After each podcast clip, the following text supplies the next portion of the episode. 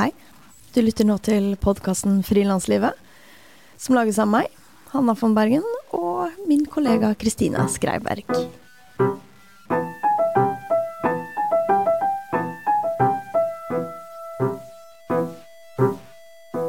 I denne episoden skal vi snakke litt om året som har gått. Eh, Hva har vi lært? Hva har vært skikkelig bra, og hva er det som har vært utfordrende? Eh, Dette er altså en sånn julespesial med meg og Kristina. Det liksom, det er rett før jul, og vi sitter med sånne julehårbøyler. Juletrær, de, de bjell, lager sånn bjellelyd. De sitter vi med i håret. Yes. Mm. Men du Hanna, hva har vært det beste, eller største, som har skjedd for deg i år? Både sånn jobb på jobbfronten og privat. Det går jo ofte sånn hånd i hånd, egentlig. Ja. Vanskelig å skille. Det beste eh, med året Jeg tenker veldig eh, Jeg deler opp eh, mentalt året sånn etter sommeren og før sommeren. Før sommeren jobba jeg med filmfestival. Veldig intenst. Hadde en skikkelig digg sommerferie. Og det var sånn fem uker med bare Vi tok pause av podkasten. Jeg hadde ingen prosjekter. Det var absolutt ingen deadlines og ingen eventer og ingen forventning. Det var utrolig deilig. Etter sommeren så skjedde jo noe som jeg kom litt sånn uforutsett, fordi jeg ble tilbudt jobb fra Ingensted, som er et, eh, en kulturvenue eh, og utested i Oslo. Og så har jeg begynt å jobbe, litt, eh, jobbe deltid, altså rundt 60-70% som bookingansvarlig der. Og da har jeg gått fra å ha hatt ett megastort event, som har vært arrangør og fulgt fra A til Å, til i september å ha 28 eventer. Så det er veldig, veldig Så småventer. Eller ja, så eller sånn, men- de er jo store, men det er en arrangør på det, og jeg er venuen, så det er veldig annen rolle å jobbe med arrangement på, da. Og det har vært ganske interessant å lære seg hvordan også skru om hodet på å ikke liksom ha alle detaljer og være arrangøren, men være venuen. Eh, og også litt sunt å kunne ha litt distanse fra alt innholdet. Um, Men så- har det sånn gitt deg en ro fordi du nå har en fast inntekt? Ja.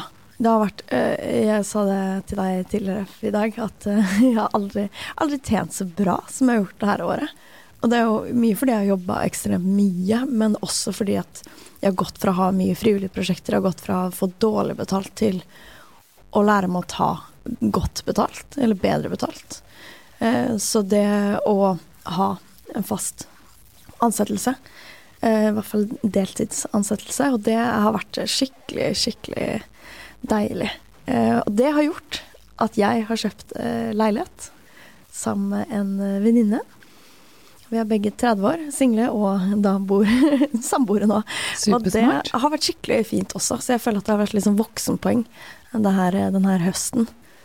Og ja. Jeg tenker at eh, uansett hvor lenge eller hvor kort du kommer til å ha den jobben eh, Det kan jo godt hende du har den i flere år, eller Men det kan, når man går inn i noe sånt, så kan det også hende det, du har den i et halvt år eller et år. man vet Men den jo aldri når man starter. Nei, ikke sant? Og derfor også Man er jo noen ganger som frilanser litt redd for å gå inn i sånne ting, for man bare Å nei, det var ikke det jeg skulle, eller hvor lenge må jeg bli der, eller Men man kan jo gå inn, og så kan man gå ut igjen.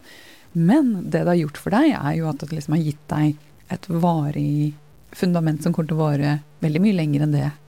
Eh, fordi du har kommet deg inn på boligmarkedet. Ja. Som liksom er jo en kjempestor eh, endring og trygghet og Ja, Mm. som du Ja, ikke ville fått ellers. Ja, og så har jeg følt skikkelig godt ut å være litt sånn strategisk rundt det. At ok, så kom denne jobbmuligheten, og, og det har passa utrolig bra også med hva jeg vil. Fordi alle mine erfaringer tidligere har liksom passa helt ypperlig inn i denne jobben. Og det har vært så deilig også hatt at man slipper de her dype dalene mellom prosjekter. Eh, og så er det jo andre utfordringer med å ha noe fast, og mange kjenner jo på den der, og det å kombinere. At det både er veldig gøy, men vanskelig. Men eh, det med leilighet det har vært så digg å kjenne at ok, nå det litt sånn, vær litt strategisk at det er nå, det er nå jeg skal til banken, og, og, og på en måte Det er så mye lettere da, å vise, vise det da. Mm. Gratulerer. Tusen takk. Og hva har vært det tøffeste da, Hanna? Har det vært noe som har skjedd som har vært tøft? Altså før sommeren så var det jo megatøft. Det har vi faktisk snakka om litt før òg. Men det var et helt fantastisk prosjekt, eh, filmfestival. Men det var også megahardt. Det var kjempemye ansvar og hadde veldig mye sånn katastrofetanker rundt eh, eh, det jeg skulle lage. Og eh, På hvilken måte? Nei, sånn, Jeg var ansvarlig for en, en veldig stor festivalgate. Mm, og da var det alt fra sånn blokking av gater og strøm og innhold og liksom bar og mat og eh, Det var jo som å lage en festival over syv dager. Jeg har aldri gjort noe ute, og det var veldig annerledes å bygge opp ting midt i, i Oslo by, utendørs. Eh, og så hadde var det bare litt overveldende, og veldig lære, læringsrikt også. Men da begynte liksom kroppen å reagere fysisk med å få Lea mus. Eh, og det satt i fire måneder. Det forsvant sånn tidlig i oktober, forsvant leamusen. Så det er egentlig litt krise. Um, selv med denne fem uker sommerferien. Så det har vært sånn, det tenker jeg på når jeg ser tilbake på 2018, at um, jeg nok skal være litt uh, Det handler ikke bare om at jeg skal være bedre på å ta vare på meg selv, men det handler også om at hvilke prosjekter jeg går inn i, og hvordan rammen er i de prosjektene. Og det systemet man på en måte jobber i, da. Um, for der uh, kan man jo se Man setter jo sine egne grenser, men det er jo noe med uh, Ja å bli litt hjulpet av, av det, de prosjektene man er i også. Men den leamusen, er det noe du har uh, hatt andre ganger? Sånn at du Nei, ok, så det er ikke sånn å, der kommer leamusen igjen. Nei, jeg, jeg, skjønte ikke hva det var. Jeg var sånn Hæ, hvorfor driver øyet og driver rykker og napper? Var sånn, Så irriterende. Og så snakker jeg med en venninne, hun var sånn ah, det, er jo klassisk stresstegn. Og så var jeg sånn hæ? Ja, nei, det, det, har ikke jeg hatt før, da. Og jeg har aldri hatt et kropp med det. Sånn. Det har jo vært Og det er liksom På en måte er det litt deilig å kjenne at du kan pushe deg og, og, stå i ting og virkelig levere og på en måte kjenne på hvor mye drive da, du har. Men når det bikker over til, å, til det nivået, så er det ikke så veldig Så er det ikke veldig sunt. Mm. Så selv om jeg har gjort ekstremt mye i høst, og vært veldig opptatt og vært litt sånn asosial, så er det på en helt annen måte. Jeg forholder meg mentalt til prosjektene jeg gjør, eh, helt annerledes. Ingen leamus. Ingen leamus. Har du lært noe, skal jeg spørre om nå, men det er jo litt som du nettopp var inne på. Å ta, mm. å ta litt vare på deg selv. Ja, men det er jo veldig vanskelig. Det er så lett å være sånn å være god på å ta vare på deg selv. Og så er det Og så går man jo ofte inn i prosjekter ikke fordi man ikke vil ta vare på seg selv, men fordi man syns det er så innmari gøy. Ja, fordi man vil ta vare på seg Fordi man vil, ja. ja. Fordi man vil gjøre ting som gir mening, og som er gøy, og som man utvikler seg på, og som skaper verdi. Så det er jo liksom Det der er veldig vanskelig fordi jeg føler noen ganger eh, Det handler om å ta riktige prosjekter, men så for min del handler det ofte veldig mye om mengde, da, og bomming på, på mengde. Og så er jeg ikke den som da vil levere dårligere. Så det gjør bare at jeg jobber mer. Og ideen om å gjøre alt, alle disse tingene Det er liksom fint på papiret, holdt jeg på å si. Eller sånn det, det, det, virker gøy og spennende, og så er summen på en måte noen ganger altfor mye. Ja, så er det ikke så lett å forutse alltid hva et prosjekt innebærer heller. Det kan være at du går inn i det, og så blir det noe annet, eller det blir mer, eller det blir vanskeligere. Eh, og veldig sjeldent så blir det jo lettere og mindre enn det man tror. Mm. Det, er liksom, det, er ikke så ofte, det er ikke så ofte det er den veien. Mm, så det der å Jeg er bare vant til å ha mye å gjøre, men jeg liker eh, Jeg føler at det er veldig bevisst også, men det kommer et tidspunkt hvor man man kjenner på Er det verdt det? Ja, og det er så sånn åh, det er sånn, sånn, det er sånn, sånn klein stereotyp av en frilanser. Jeg kjenner nesten jeg blir bare sånn flau av å være den personen um, som havner i den fella, da. Fordi den er så tydelig, den er så obvious. Men jeg ble 30 i um, høst, eller i november. Uh, og, og, da kjente jeg på litt det der med altså, hvem, hvem, er jeg for mine venner, og, og hvem har jeg rundt meg? Og jeg føler kanskje at folk er bedre til å stille opp for meg enn det jeg er for andre. ja, da hadde du en liten sånn der nede, en liten ja, altså, dump? Emo-knekk, rett og slett. Dagen før ja, bursdagen din. Eh, også, også Men du ble overrasket med surprise party ja. med masse venner. Og det var så shout-out til Anne Marte som er Womas, eh, som arrangerte her. Ja. Og så Huskanna, de hadde ikke stilt opp hvis, de, hvis du var en helt ræva venn. Nei, nei, det Så, men man, det er jo ofte sånne eh, sånn ja, fra 29 til 30, eller når man skal gifte seg, eller liksom på nyttårsaften, eller sånne store dager eller vendepunkter hvor man sitter og reflekterer over sånne ting. Og Mm. jeg har også følt det mange ganger at oi, det er så mange ganger jeg har prioritert jobb og det å jobbe meg mot mål fremfor å kanskje være sosial eller bli med på det alle andre gjør. Og noen ganger er jo det bare veldig sårt at man tok det valget. mm, Fordi man ser at um, andre kanskje tar del i ting man ikke har blitt en del av. mm, Og så må man kanskje akseptere at man tar det valget, eller så må man jo endre det. Men noen ganger lurer jeg også litt på sånn Er det verdt det å eh, Altså nå jobber jeg ganske sånn egentlig normalt, men jeg har jo alltid mange ting jeg vil, liksom. Og som Mm. jeg ofte kan sitte og sysle med på kveldstid. Og, så man ofrer jo noe. Men vi to hadde et lite mikrojulebord eh, nå her forleden, og da satt vi og snakket litt om det her. Du spurte om jeg ville være med på et nytt prosjekt. Som eh, Ja, et kjempespennende prosjekt. Og jeg bare Å, jeg har kommet frem til at det ikke kommer til å gå. Jeg har ikke tid. Som er veldig bra, da. Å eh, se sin egen begrensning.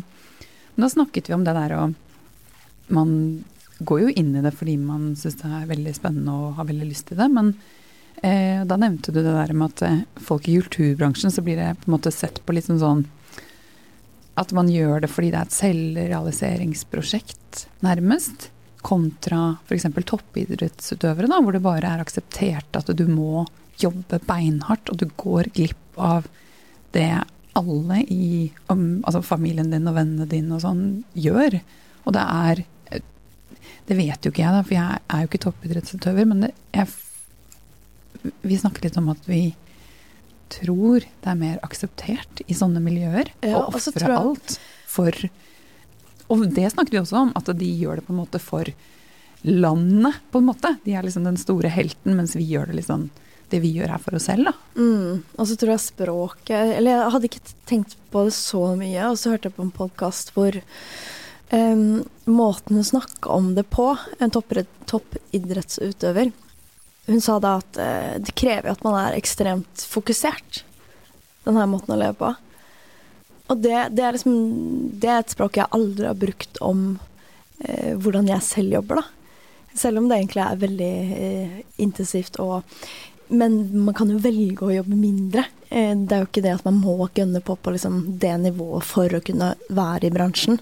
Så det, det, er liksom, det er kanskje mer akseptert at man At det er alt eller ingenting Mm. i, i det. Men sånn er det jo for veldig mange musikere eller kunstnere. At det er Du har et momentum, og så må du bare gunne på, eller plutselig så får du en hype, og så må du benytte den sjansen til å virkelig Gripe den. Eh, gripe Mm. den da. Både fordi du har lyst, og fordi ja, det er noe du kan gjøre det. Men jeg tenker kunstnere gjør det jo også egentlig for eh, samfunnet. Det er jo veldig samfunnsberikende, det kunstnere og, og veldig mange andre, eller fleste kreativt utøvende mennesker eh, driver med. Mm. Men nå må ikke folk tro at jeg sammenligner oss to med toppidrettsutøvere. At vi, liksom, at vi er på det planet bare i vår bransje. Ikke i det hele tatt. Bare en liten refleksjon rundt det. Og for all del, toppidrettsutøvere kan jo sikkert sitte Jeg vet ikke I Miami Nei, Florida, på golfbanen og være litt lei seg for at de går glipp av 40-årsdagen til venninne, de òg. Det tror Sikkert. jeg veldig. Absolutt. Mm. Er det noe du på en måte vil fortsette å gjøre til neste år, fordi du gjorde det så bra i år? Og er det noe annet du føler at du vil legge fra deg? Som hva tar du med deg av gode vaner inn i det nye året, og hva vil du riste av deg? Ja, jeg føler at det er en sånn eh, en liten jukebox på repeat eh, når det gjelder de her tankene. Ta vare på meg selv? Nei da. Ja, men Eller? eh, Ja, men, Var det den igjen? ja, for det er litt sånn jeg, Sist jeg trente var i januar. Um, og det er jo et år siden. Januar? Ja. Oi. Jeg skjønner jeg har en Wow. liten gang, men jeg trener ikke. Og lager veldig lite mat hjemme. Eh, og lever liksom veldig mye uten vaner, da. Uten eh, frokost og, og trening og en klassisk helg og, eh, og de tingene der. Og jeg kjenner jo at det tror jeg kroppen eh, kan ha veldig godt av, da. Jeg nikker, jeg. og det er sånn her, åh, jeg syns det, det er litt stusslig. Men uh, det, det krever jo også at man uh, At man sier nei, da, til ting man har lyst til å gjøre. Og prioritere. Fordi min prioriteringsrekkefølge er alltid jobb veldig, veldig høyt opp. Foran liksom det å lage seg et måltid hjemme, eller foran det å gå og trene. Da jobber jeg heller. Og så kommer kanskje sosialisering som liksom nummer to. Venner og familie og Og så kommer liksom trening langt der nede, så det er alltid sånn Jeg syns alltid det er noe bedre å gjøre. og bruke tida si på. Og det gjør at ikke jeg Det gjør at jeg velger det bort, da, veldig ofte. Ja, for min sånn eh, prioritering er sånn barn og mann, eller sånn hjemme, kjernefamilien, og noen ganger andre i familien eller nærmeste venner som måte trenger det, da. Og så er det søvn og trening. Det er liksom de tre er det aller viktigste etter jeg fikk barn, Mm. spesielt. Eh, fordi hvis jeg ikke sover eller trener, så funker jeg bare ikke. Og så er det jo selvfølgelig perioder som kan gå over måneder hvor noe av dette blir trening eller søvn blir nedprioritert. Ikke familien, da. Men det er liksom de er sånn basisbehov. Ja. Søvn er jeg ekstremt god på. Ja, den er du god på. Der er, det er- Den trenger jeg å alltid prioritere veldig høyt. Den går kanskje foran jobben, da? Ja. Ja. ja, men det gjør det. Ja. Eh, Eller at jeg jobber seinere, eller jeg har jo liksom muligheten til å jobbe når jeg eh, ønsker. Og de siste månedene har du vel egentlig mest sovet og jobbet, Ja. Ja. Egentlig. egentlig. Og så klarer jeg meg veldig fint uten å trene. Det er ikke noe jeg, føler, jeg trenger, men det er jo noe som jeg har veldig godt av når, i perioder hvor jeg har gjort det. Så er det jo, det er jo bra, det styrker jo kroppen, og det er jo en sånn langsiktig bra, bra greie. Det er jo noe alle anerkjenner. Men, eh, men det er fortsatt ikke noe sånn at jeg går rundt og føler på det. Nei, og jeg får seriøst vondt i hele kroppen hvis jeg ikke trener. Mm.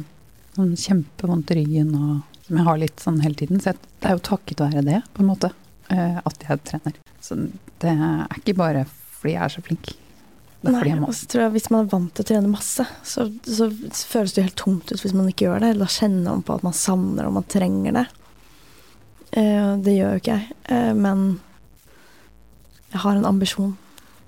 Det skal du ta med deg inn i neste år. Ja. Og så har jeg en ambisjon om å også mm, jobbe litt med de her prosjektene som man kjenner til litt. For det jeg har gjort veldig mye tidligere år, er å hver tredje måned gå inn i noe helt nytt.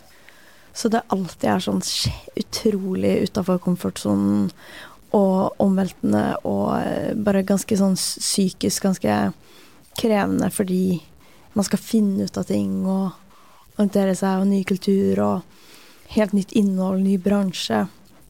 Det kjenner jeg blir, er deilig nå. At de tingene jeg jobber med, er ting jeg har kjennskap til og kan bli liksom varm i trøya. Og heller jobbe med å videreutvikle ting enn å jobbe med å liksom finne på kruttet da, i nye prosjekter.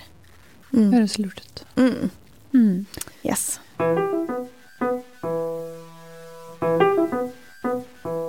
Jo, men en ting som jeg tenkte jeg skulle adde, er at uh, jeg merker at jeg liksom er liksom frilanser til beinet, fordi jeg uh, Jeg setter så utrolig pris på at uh, hverdagen er variert. At jeg kan jobbe med ulike prosjekter. Og at jobben jeg har nå At jeg bestemmer veldig selv over eh, når jeg jobber med hva. Og hva jeg velger å jobbe med hvilken dag. Det er jo masse eventer og deadlines hele tida, så det er jo ikke det man ikke har forventninger og, og krav. Men det er bare det, det er friheten til å velge hvordan man selv eh, deler opp, da. Det syns jeg åh, det gir skikkelig sånn Ja, det, det kjenner jeg liksom at det er utrolig fin livsstil å ha. Jeg er helt enig. Sånn som denne uken her, så har jeg valgte jeg å gå på et eh, InDesign-kurs i et par dager. hvor en venninne av meg også skulle, eller hadde behov for det samme. Så liksom tilbringe to dager med en, en av mine beste venninner. Og neste dag så skulle jeg jobbe med eh, en bok jeg jobber med, hvor jeg har liksom selv funnet hvem jeg har lyst til å jobbe med på det prosjektet. Som jeg har ansatt i en deltidsstilling. Og så neste dag er med deg. Så det er sånn I løpet av en uke så, liksom, så møter jeg tre forskjellige mennesker som jeg digger å tilbringe tiden min med, og det er arbeidstiden min. Og kjennes så selvvalgt og fritt og ja. Og du har noen ganger spurt meg sånn eh, siden jeg er småbarnsmor, om jeg får til å være noe særlig sosial, har tid til å se venner og sånn. Og litt gjør jeg jo det. Eh, absolutt. Men det er jo ikke så mye. Men eh, jeg tror at min jobb dekker så mye av mitt sosiale behov, og det at jeg kan velge veldig mye av hvem jeg har lyst til å jobbe med. Jeg sitter i et eh, kontorfellesskap som også Masse bra damer. Én mann. Ja, hvor vi Det dekker det derre eh, sosiale behovet og vennskapsbehovet, og, og selvfølgelig har jeg behov for å se mine andre venner òg, men det er så godt å få lov til å velge kollegaene sine, da å velge de man vil omgås i veldig stor grad. Så det ja. Er utrolig fint. Gjør meg lykkelig. det, er, ja.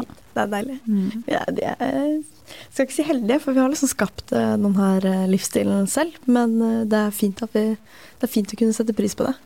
Jeg er veldig takknemlig. Det, det er så viktig også å være, tror jeg, at man ser hva man har. Mm. Men ja, det har vi også snakket om, at det er så lett å si at 'å, jeg er så heldig', eller at andre sier 'å, du er så heldig', eller det Du bare jobber med bare gøy, du. Ja, du bare koser deg. Ja, det har jeg tror jeg nevnt på podkasten før, at du har fått den kommentaren. Eller at noen kan si sånn Ja, men det er jo liksom så lett for deg, derfor bare gjør du de tingene. Liksom bare det du vil. Og nei, ingenting er lett. Og jeg er ikke Jeg gjør ikke det fordi jeg er heldig. Altså, man har sikkert møtt på litt flaks og sånn, men 90% er jo beinhard mm. jobbing. Og så til slutt, så, og litt forhåpentligvis underveis, så er det innmari gøy. Men det er jo gøy når ting er hardt òg. Ja, jeg synes også At det er utfordrende. Mm, jeg er veldig enig. Det er jo gøy at det er utfordrende at man utvikler seg. Ja. Og at øh, det kan, hva skal man si man, Det man skaper, overrasker, da. Og jeg tror at noe av det ligger jo at det er tøft og vanskelig fordi man ikke bare lager det man akkurat har sett for seg. Ikke sant. Men det er jo noe med det å ikke alltid gjøre bare det som er utfordrende. Så man ikke blir veldig sliten og utmattet. Og, Hello! Ja, så det er jo litt som du sa nå, at neste år så har du lyst til å gjøre litt mer prosjekter i komfortsonen og litt av det du kjenner. Mm. Og det er jo viktig å, å ha den balansegangen, da. Ja, for noen det er alltid sånn Get out of the comfort zone. That is where the magic happens. Og så er det utrolig mye sånne ting. Noen ganger så blir jeg sånn Nei, vet du hva. Noen ganger er det magi Vær i komfortsonen. Ikke gå, ikke gå utafor boksen hele tida. Bare hold deg inni Hold deg inni den rammen også. Ja, det er en evig balanse, tenker jeg sånn. Et lite steg ut av komfort, og så henge litt inne i sonen igjen. Og så kjenne på Nå vil jeg litt utafor igjen. Og, så man ikke drar seg for langt ut, da. Ja. Mm.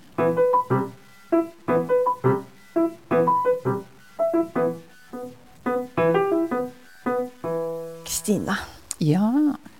Hva, hvordan har året ditt vært? Hva, hva har skjedd? Du, ja, stort spørsmål altså, om livet. Um, er, jeg er sånn som deg, som deler inn året etter fra sånn januar til sommeren. Altså fra sommeren til jul. Mm.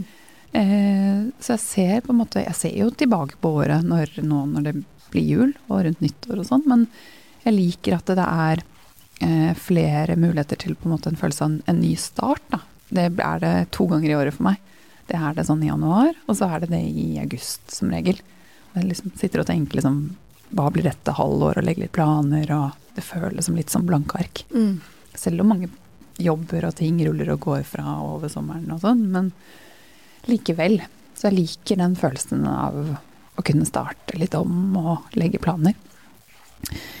Men januar, februar, mars, april, mai var eh, litt sånn få i gang denne podkasten. Sitte og skrive en del søknader, lage et fundament, grunnarbeidet for det. Eh, jeg gjorde veldig jeg, jeg, sa opp kontorplassen min og var mye hjemme i noen måneder. Hadde veldig behov for det. Liksom lukke meg litt inne. Kanskje det komfortsonegreiene. Mm. Eh, la om nettsiden min. Liksom jobbet med mye sånn eh, ja, innad i businessen, på en måte. Tjente lite penger, men tenkte sånn det er en investering. Eh, så jeg var litt sånn introvert. Og så mm, Etter sommeren så har jeg vært veldig ekstrovert og gjort mange ting. Og ja, tilbake på kontoret mitt og ja. Eh, så jeg startet etter ferien med Jeg giftet meg i sommer, og det var utrolig fint. Eh, og startet etter ferie med litt sånn åh, nå Barna mine er nå tre og fem. Følte litt sånn Nå har jeg krefter og overskudd til å begynne å ja, ta tak i mange nye jobbprosjekter igjen. Og, eh, men så har det vært veldig mye alvorlig sykdom i familien min. Nærmeste familie denne høsten. Og det preger en jo veldig. Plutselig så må man egentlig bare slippe alt man har, og tilbringe veldig mye tid med nærmeste familie. Eh, selvfølgelig. Og det så, Ja, da viker jo veldig mye av det som bare må eh, Eller man ikke har tid til. Alt som ikke er viktig, egentlig bare faller bort. Men jeg har hatt veldig store jobbting som jeg ikke har kunnet eh, droppe. Så jeg har fortsatt jobbet veldig mye, eller like fullt, da. Mm. Og så har det vært barn og henge med familien og ja. Jeg var f.eks. på en jobbreise i USA som jeg måtte avbryte etter tre dager og reise hjem. Og så har det vært litt sånn uh, følelsesmessig uh, berg-og-dal-bane. Uh, men det har Jobben har faktisk føles, føltes som et skikkelig godt frirom hvor jeg har kunnet fokusere på noe helt annet. Og, eh, ja, og jeg tror nok det er også fordi jeg er et sted i mange av prosjektene jeg jobber med, hvor de bare ruller litt av seg selv. Altså Det krever at jeg drar dem fremover, for det, jeg holder i dem. Men det har ikke vært sånn ut og pitche, selge meg selv, eh, som jeg hater det uttrykket, egentlig. Presentere meg selv. Eh, men jeg har hatt mye som jeg føler gir veldig mye mening da, å jobbe med og jobbet med eh, veldig bra folk, inkludert deg. Så det har vært skikkelig deilig, faktisk. Ja, for det virker, ja. selv om det har vært litt sånn dritthøst da, på mange måter, så har det også vært mye fantastisk. Det virker som du har hatt mye energi, selv om det har liksom vært veldig hardt å stå i. Ja. Og at jobben kanskje har gitt mye energi. Har faktisk det, altså. Mm. Selv om det er krevende alltid Når jeg tilbringer veldig mye tid med de som trenger det, så er det jo masse jobb som hoper seg opp på kvelden, og man bare må være supereffektiv. Og, og, det er jo krevende, det. Og sånne ting som søvn og trening må jeg jo skrenke inn på fordi det ikke er tid nok og sånn. Eh, så man eh, setter seg jo selv litt sånn egne behov eh, lenger bak, da. Man kan ikke holde på sånn for lenge. Men det har, ja, alle de positive tingene på jobb har liksom balansert ut veldig mye og gitt meg veldig mye sånn livsglede, mm. faktisk. Mm. Det er skikkelig fint. Hva, hva, tenker du at det er eh, de største lærdommene fra året? Altså, denne høsten så har jeg opplevd veldig mye sånn mestring i å stå i disse tingene parallelt. I, i jobb og familie. Eh, eller familiekrise. Nei, det er ikke krise. Men jo, for, ja. Eh, og alt har gått veldig greit, da. Altså, mm. Så nå går det bedre, og jeg, ting er stabilt. Mm. Men jeg har eh, kjent på mestring, og jeg har kjent på hvor veldig godt det er å være der for andre som betyr noe. Eh, for nærmeste familie og venner, også hvis det skjer sånne ting med venner. Eh, men at det er det aller viktigste. Eh, som setter ting litt i perspektiv, da. Og jeg har eh, Det er noe jeg har lært litt i høst. Å skille mellom eh, det som faktisk er viktig og ikke så viktig. Hvordan gjør du det? Jeg tror kanskje sånn i en Nå høres dette veldig dramatisk ut, da, men sånn i en krise- eller minikrisesituasjon, så tar det skjer litt av seg selv. At man bare ser sånn Dette her er det faktisk ingen som lider hvis jeg ikke får svart på. Mm. Eh, og hvis hvis de har veldig behov for det svaret kjappere enn jeg kan gi det til dem, så ringer de meg. Mm. Men har du også sagt eh, mer enn nei? Eller sånn litt sånn Ja, jeg har sagt nei til mange ting jeg vanligvis ville veldig gjerne gjort. Eh, så noen ting har jeg jo kunnet avgrense fordi det har kommet underveis. Men de jeg allerede hadde sagt ja til, det har jeg holdt i, da. Men Eh, nei, jeg har bare vært sånn mye dårligere på å følge opp ting som jeg kanskje ellers ville gjort eller skrevet. Jeg ser at jeg vanligvis bruker ganske mye tid på å sende e-post og følge opp mailer, som jeg syns egentlig er veldig kjedelig. Og denne høsten har jeg vært litt sånn Vet du hva, jeg sender eh, to linjer. Dette ser superfint ut, vi gjør det sånn og sånn og sånn, ses Mm. da. Ja. Ikke for mye om og men. Og, og jeg ser at folk som er veldig busy, skriver sånne e-poster. Veldig tydelige og klare. Og et kjapt svar. Vært litt opptatt av å bare få det unna. Um, uten å liksom Nå må jeg skrive en liten avhandling og være utrolig mm. søt og Kjenner meg igjen i, i det motsatte, at det kan Ja. eh, ofte kan, Effektivitet. Liksom, ja, og det merker jeg jo også med jobben. jeg har At, at plutselig så er det liksom 40 e-mail om dagen, eh, og det er veldig mye mail, da. Og da må man jo rett og slett bare være veldig sånn Lage maler, til og med, av liksom info som ofte blir spurt om. Ja, og, og bare copy-paste det inn, fordi du har noen ting som går igjen, da. Mm. Og, ja, og rett og slett bare være veldig sånn tydelig, tydelig effektiv. Eh, så det er jo en veldig god, god læring. Jeg syns ofte en konflikt da, som jeg kan eh, kjenne på hvis jeg har perioder hvor det er veldig mye tenker jeg, jeg tenker at jeg har en slags sånn ideal av hva mitt sånn profesjonelle meg vil Hvordan jeg vil virke, jeg har, gjøre mitt virke. Og det er typisk noe, noe jeg setter veldig pris på, som er veldig dårlig til å gjøre sjæl, er sånn hvis man har hatt et event sammen eller et møte, at man sender en mail og var sånn 'Tusen takk for et flott samarbeid'. Eh, veldig bra jobba, det har jeg satt pris på. Eller at man er litt sånn Man har alltid den takken etterpå. Eller at man eh, besvarer alle innen liksom, to dager, eller og ikke, Men nå har jeg liksom hatt ting som har ligget mange uker fordi jeg har nedprioritert det. Og ikke tatt tak i det. Altså, så, så man blir liksom Jeg føler meg litt mindre sånn Litt mindre profesjonell også i, i den eh, I det som faller igjennom. Ja, og jeg er helt enig at det er jo idealet. Eh, hva er den som følger opp, eller hva er det Du bare send faktura dit, eller eh, hva, hva Eller fakturere dagen etter, eller Altså bare sånn være ryddig, da. Og, mm, men det har ikke jeg vært eh, denne høsten her. Og jeg ser jo egentlig at det går veldig greit. Eller hvis jeg har gjort det, så har jeg skrevet 'Tusen takk for i går, det var supert'. Mm. Og that's it. Mm. Og så bare gjør det veldig fort. Men hvordan er det på privaten, da? Fordi at jeg, jeg er sånn som er veldig god på å svare på jobbmail. Og det er jo, ellers er det jo helt krise. Liksom. Eller man må jo Det er jo det man får betalt for, og det er det man skal prestere på. Mens på privaten så er jeg skikkelig dårlig på å svare folk. Sånn at det ligger igjen en del Facebook-meldinger, og jeg får nesten litt sånn åh, sånn drittforhold til Facebook fordi jeg føler at det er mail. Eh, at alle de her messages eh, kan jeg Helt få litt sånn fnatt av.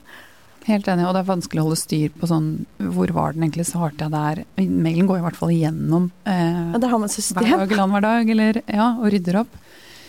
Nå har det gått ukevis før jeg har ryddet, og så Mm. ja. Jeg har det akkurat på samme måten, men akkurat nå så har jeg følt sånn jeg har en god unnskyldning. Jeg forklarer, selv om det har gått fire uker før de fikk det svaret. Mm. Og er det en god venn, eller er det viktig, så skriver du en gang til. Men det kan jo hende, hvis det er sånn det vanligvis er, så har du ikke en god nok unnskyldning.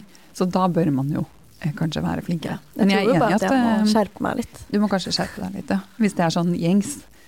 Men det går jo an å sette seg sånn to ganger i uka og bare se igjennom. Eh, SMS-er, Ja, jeg tror faktisk jeg må gjøre litt sånn jobb Jeg må ha litt sånn jobbrelasjon Innstilling. til Ja, Ja. jobbinnstilling til det. Mm. Um, og også, for jeg har blitt veldig mye spurt i høst om sånn Kan vi ta en kaffe? Og jeg er veldig nysgjerrig på hvordan lage podkast, f.eks. Og der har jeg jo også vært sånn at det syns jeg egentlig er veldig hyggelig når man setter tid til å, eh, å faktisk gjøre liksom kunnskapsoverføring. Og mm, setter pris på når andre tar tid. eh, Man vil gjerne være sånn. Ja. Man vil veldig gjerne være det, men da, nå har jeg faktisk vært sånn hvis noen spør i oktober, så er det sånn kanskje i januar. Man føler seg helt sånn douchey når man Ja, sier, De må sier vente det. med å lage sånn, ok, du har ikke en halvtime liksom, på flere måneder, men det er ikke det det handler om. Det men alle de små tingene blir Det blir mye til sammen. Det gjør det. Og så må Mm. jeg, jeg må bli bedre på å skjære, skjære til beinet, da.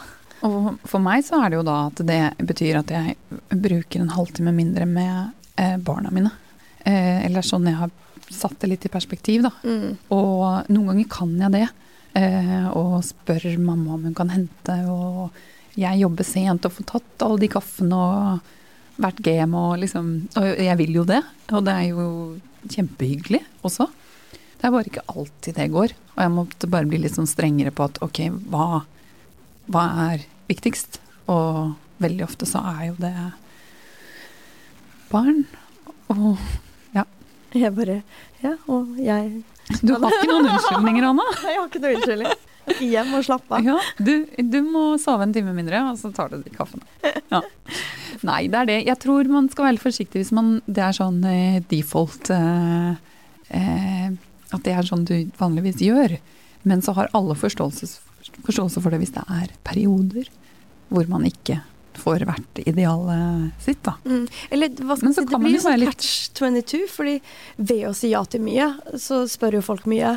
Og Ja. da når andre spør, så må man jo si nei fordi man har sagt ja. Ja, Det er en grunn, jeg sier jo nei fordi jeg har sagt ja til litt for mye andre ting. Mm.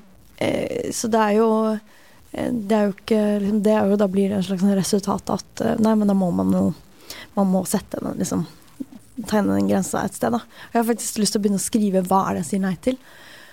Ja. um, En og, prioriteringsliste. Mm. ja, og også litt sånn for jeg har sagt eh, nei til en del spillejobber i høst. fordi jeg har lyst egentlig til å lage ny musikk før Ja. jeg spiller så mye mer konsert. Så bra. Mhm. Eh, og det har kjentes ganske sånn riktig å gjøre.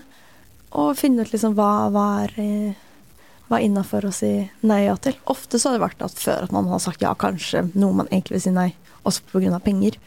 Så det er jo luksus å kunne liksom faktisk si det. nå tjener du penger. Mm. Hva har vært, eh, hva har vært det beste ved året? Det beste har vært eh, Eller mye som har vært bra, men eh, i dette tre-fire månedene som har vært litt sånn eh, unormalt, eh, så har jeg vært veldig til stede for eh, barna mine. Jeg har følt sånn de gangene, de timene man har med barna sine eh, Eller det setter så i perspektiv da, hva som er viktig. Det har jeg følt helt siden jeg fikk barn, av, at hvor viktig det er for meg. Men jeg har bare sånn lagt bort telefon og bare sånn følt Det er de timene jeg har fri eh, i dag. Og kost meg veldig med det. Mm. Lagt meg ned på gulvet og vært med i deres verden og hatt det skikkelig fint. Og tenkt liksom Det er når de er våkne, og det er denne tiden jeg har i dag til å ha det sånn. Og etterpå må jeg jobbe, eller jeg må ja, gjøre noe annet, da. Klarer du å legge bort jobbhodet? Ja, Er du god faktisk. på det? Eh, ja, aller best hvis jeg går hjem fra jobb og får et lite avbrekk. Mm. Ja, å ha denne mellomdelen. Ja. at det ikke er jobb, også rett i noe annet. Ja. Men det Det er bare Ja, jeg tror det er noen ganger veldig fint å få sånne perspektiver på hva, Mm. hva er viktig. Og så har vi giftet meg, som var veldig fint. Eh, Men jeg kjenner meg litt igjen i den eh, Det å lage sånn festivalgate, som du sa. Eh, For du, var jo det du gjorde. Det var det vi gjorde. Lagde utendørs bryllup eh, og lagde alt selv. Og, ja, så det var faktisk Jeg sov to timer natten før bryllupet mitt. Eh, ja.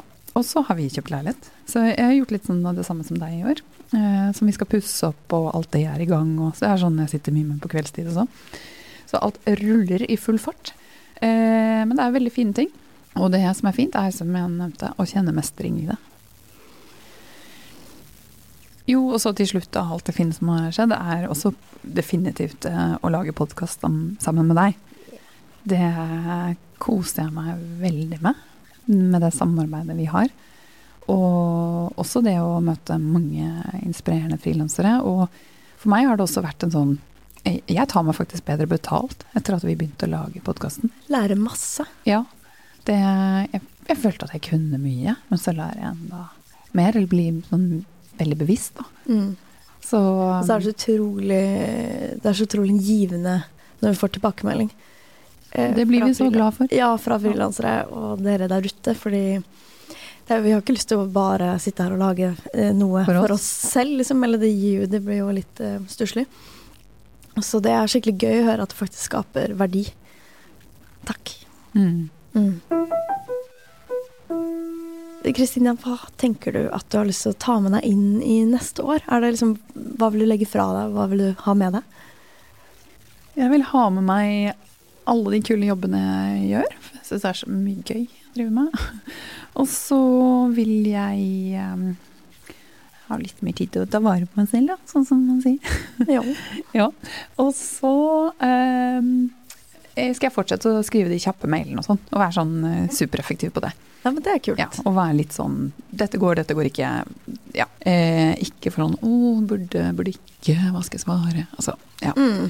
Og så eh, Det jeg skal ta med meg inn i neste år, er eh, solkrem og badedrakt. Solbriller Fortell. og pass. Ja. Eh, fordi vi skal til Asia i Det er vel syv uker. Med hele familien. Hele familien, eller altså kjernefamilien. Fire, vi fire. Barn og mann. Mm. Fordi det er syv uker. Men da har, tar dere begge dere fri fra jobb og har det som totalt ferie, eller frilanser du fra Asia? Ja, nei, det føler jeg er eh, urealistisk. Eh, å skulle ha oppdrag underveis. Eh, for da jeg, føler jeg at jeg får ikke gjort en god nok jobb med jobben, og får ikke vært til stede nok når jeg henger med barna.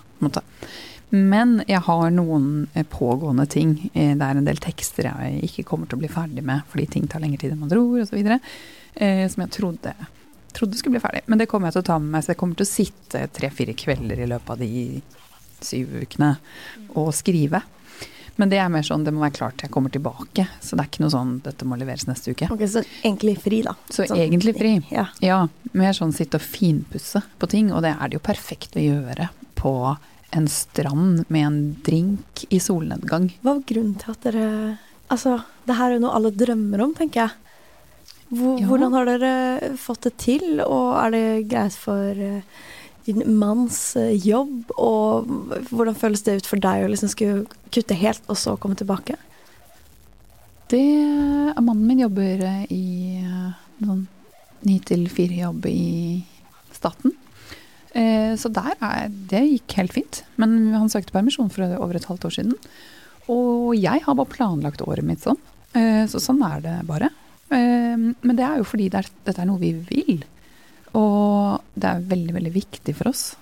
Dette snakket vi om da vi ble sammen, at eh, vi har lyst til å altså Nå blir det jo bare en reise, men også kanskje bo eh, i vet ikke, Mosambik et år, og barna må jobbe på en skole. Eller altså, eller de går på skole, selvfølgelig. på skole. vi, vi, vi Barnearbeidene. ja, ja, ja. Eh, nei, men at, vi, at verden er så mye større enn det livet Det hverdagslivet vi lever nå, da. Og det er veldig, veldig fint, men jeg eh, For meg er eh, er det så viktig å ha en større horisont, da. Jeg, jeg elsker eh, jeg elsker verden. Ja, og det er så ku jeg syns det er så kult at dere gjør det her også, for det er noe med å rigge til ting rundt sånn at det også passer, og ikke bare tenke at det her går ikke, eller jeg kan ikke ta pause, for da blir det kanskje vanskelig å få jobb eller penger, og det er jo ikke det at det trenger å være så dyrt hvis man leier ut leiligheten. Og, det, ja, og at man bare rett og slett uh, Og sammenfalt dette for oss med at vi ikke har noe sted å bo i, etter jul. Og fordi der hvor vi skal flytte inn i vårt nye oppussingsprosjekt, er ikke ferdig før i mars. Så det var jo egentlig helt perfekt, men det var jo ikke en del av planen. Så vi hadde jo tenkt å leie ut leiligheten vår osv. Um, men ja, jeg tenker at man må tenke på hva er viktig. Hvorfor er det viktig for oss? Jo, fordi vi har lyst til å vise jentene andre kulturer. Vi har lyst til å ha masse tid sammen med dem. Um, ja, datteren min begynner, eldste begynner på skolen til høsten. Vi har lyst til å kunne gjøre dette også før hun gjør det. Og, mm, så det er det, ja. Eh, Da, hvordan blir det mulig å gjøre det? Ja, det er Mm. fint, altså. Jeg Ja. gleder meg til å ha Skype med deg. En Skype-episode. Høre Åh, jeg skjønner jeg blir sjalu. Jeg bare eh, forteller om det. Det skjønner jeg, og det er Nå høres det ut som Eller sånn at, at det, vi er så heldige, da, som vi nettopp snakket om. Nei, men dere har sånn, vært flinke til å rigge hverdagen og liksom året og Ja, for da har liksom om å langsiktig spare ja. penger og ja, ja, og planlegge jobbe det. og- målbevisst mot det. Jeg syns det er skikkelig Det er mer sånn kred for at dere har ø, liksom både satt det målet og får det til å jobbe for det. Det syns jeg er gøy. Neste gang, om noen år, så skal vi borte mye lenger. Ja. Hjemmeskolere barna. Eller Ja, men det også har jo vært flere som har snakka om det på podkasten, og det syns jeg er skikkelig inspirerende. Litt hvordan, At man ikke bare blir stuck i sitt mønster. Jeg øh, ender fort opp med det. Kunne fint, altså det har vært fantastisk når jeg har hatt prosjekter hvor jeg har reist, f.eks.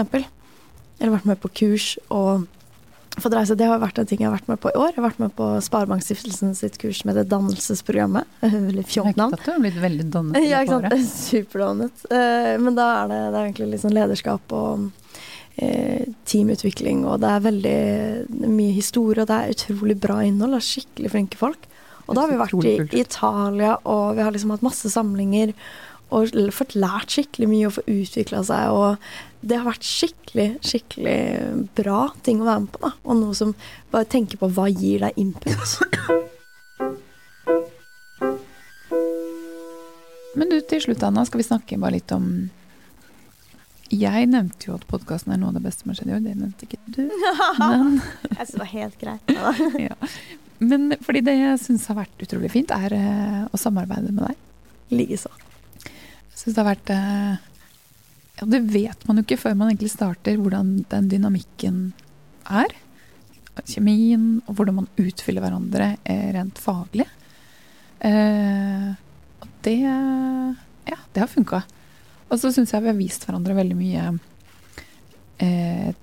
både tillit og raushet. Når den ene har litt mye, så tar den andre Ja, det har vært veldig deilig at vi har forståelse for det. vi har, for vi har mye krav til hverandre, men det er mye fordi vi har mye krav til oss selv.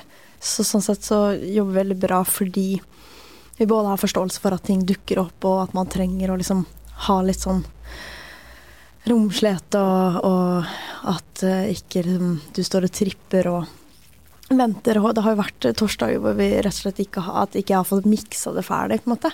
Og da faktisk si sånn OK, vi har alltid sagt det skal komme ut torsdag morgen, men da har vi faktisk kommet ut torsdag ved lunsj. Og ikke For man, det er jo bare Det er jo ting vi setter opp av deadlines og krav. Og da har det vært veldig deilig å kjenne på at vi også kan endre på de, da. Og jeg tror kanskje det er lurt når man eh, finner en å samarbeide med, at man har ganske sånn samsvarende krav til seg selv, faktisk. Sitter jeg og tenker da. Mm. For jeg vet jo at vi, at har, at vi har like krav. Og at da er det lettere å jenke på kravene enn hvis man føler at det ikke samsvarer, så er det den ene som alltid jenker, men man selv vil ikke. på en måte. Mm. Ja, da føles det liksom em, ut som man må dra den andre, eller uh, Ja. Og det er veldig deilig å kjenne at man vil det like mye, og at vi har like mye eierskap til prosjektet. For det hadde også vært veldig rart hvis uh, du hadde følt at det her var mest mitt prosjekt, eller motsatt. Og, og da hadde det blitt på en gang litt sånn merkelig samarbeid, tror jeg. Og jeg har jobbet sånn tett med en eh, Da jeg studerte i London, så lagde vi et gratis gratismagasin som vi jobbet med i to år. Og da eh, Det funka kjempebra, det òg. Liksom på samme måte både med faglig og um, kjemi. Men det vi ikke gjorde da, var å eh, Vi skrev ikke timer for eh, den, eh, det vi la ned i arbeid. Og det eh, har vi gjort fra start. Mm. Jeg er Eh, veldig nøye med det, faktisk. Ja, og jeg kjenner at Og så går man gjennom kanskje etter noen måneder hvor mye har du jobbet, og hvor mye har Og det er jo helt sånn tillitsbasert, men det, jeg tror det er så viktig Jeg skriver masse skal- timer når jeg sover. Nå, da. ja. uh, og men jeg tenker at det er så viktig, fordi da vet man Eller går man ikke og lurer på om den andre har jobbet eller ikke, eller om man egentlig gjør litt mer enn den andre, eller er det jevnt? Ja. Legger vi inn like mye i dette? Eh, og hvis en har jobbet 20 timer mer den ene måneden enn den andre, så er det ok neste gang det blir noe, så kan, ta, da tar du den, liksom. Ja. Det er så mye blir veldig lettere å sånn se. konkret. Mhm. Men ja, jeg syns Fordi når du er sliten av å jobbe mye, så kan det føles ut som at nå gjør jeg litt mye her, eller du litt mye, eller så ser man kanskje at ok, nå har du hatt flere intervjuer. Og når vi skal ha livepodkast, det har vi jo gjort først Eller det er jo podkasten er ny for året, men nå har vi gjort tre livepodkaster foran et publikum, og det har vært skikkelig spennende. Og da også hadde vi en liten sånn fot i bakken og se hvor, har, hvor mange timer har du nå, hvor mange timer har jeg, hvem skal liksom Hvem drar dette? Hvem drar det her prosjektet? Da ble det deg, vet du, for jeg lå foran. det var det. det. Mhm. Eh, så, altså, det har vært skikkelig nyttig, og jeg har gjort det nå også inn i andre prosjekter. Basert på det her. Ja, fordi da har man en eh, ja, transparenthet på det, og det er ikke føling. Det er Mm. ikke sånn å, det er alltid jeg som gjør litt mer, eller ja. Ja, det kan fort bli litt sånn, ja. litt sånn og litt av eh, i ulike perioder. Mm. Man ser jo ikke alt det den andre driver med, og det syns jeg er noe av det vanskelige med frilansere.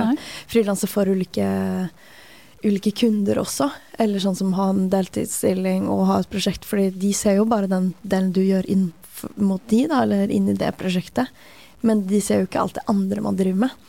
Så det blir jo um, Det er liksom viktig å synliggjøre også liksom kunnskapen man får da fra andre ting, eller ja, at ikke man liksom det, De forventningene man har da, når man er tilgjengelig eller ikke, eller alt det her Ja, hva man kan prestere.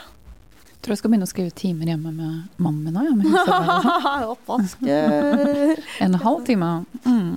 Ja, nå er det litt Det er skeiv fordeling hjemme hos oss, for å si det sånn. Jeg gjør veldig mye mindre. Så det, det er noe jeg skal ta med meg inn i ta- ta det med 2019. deg. Ja. Eh, Vaske mer hjemme. ja.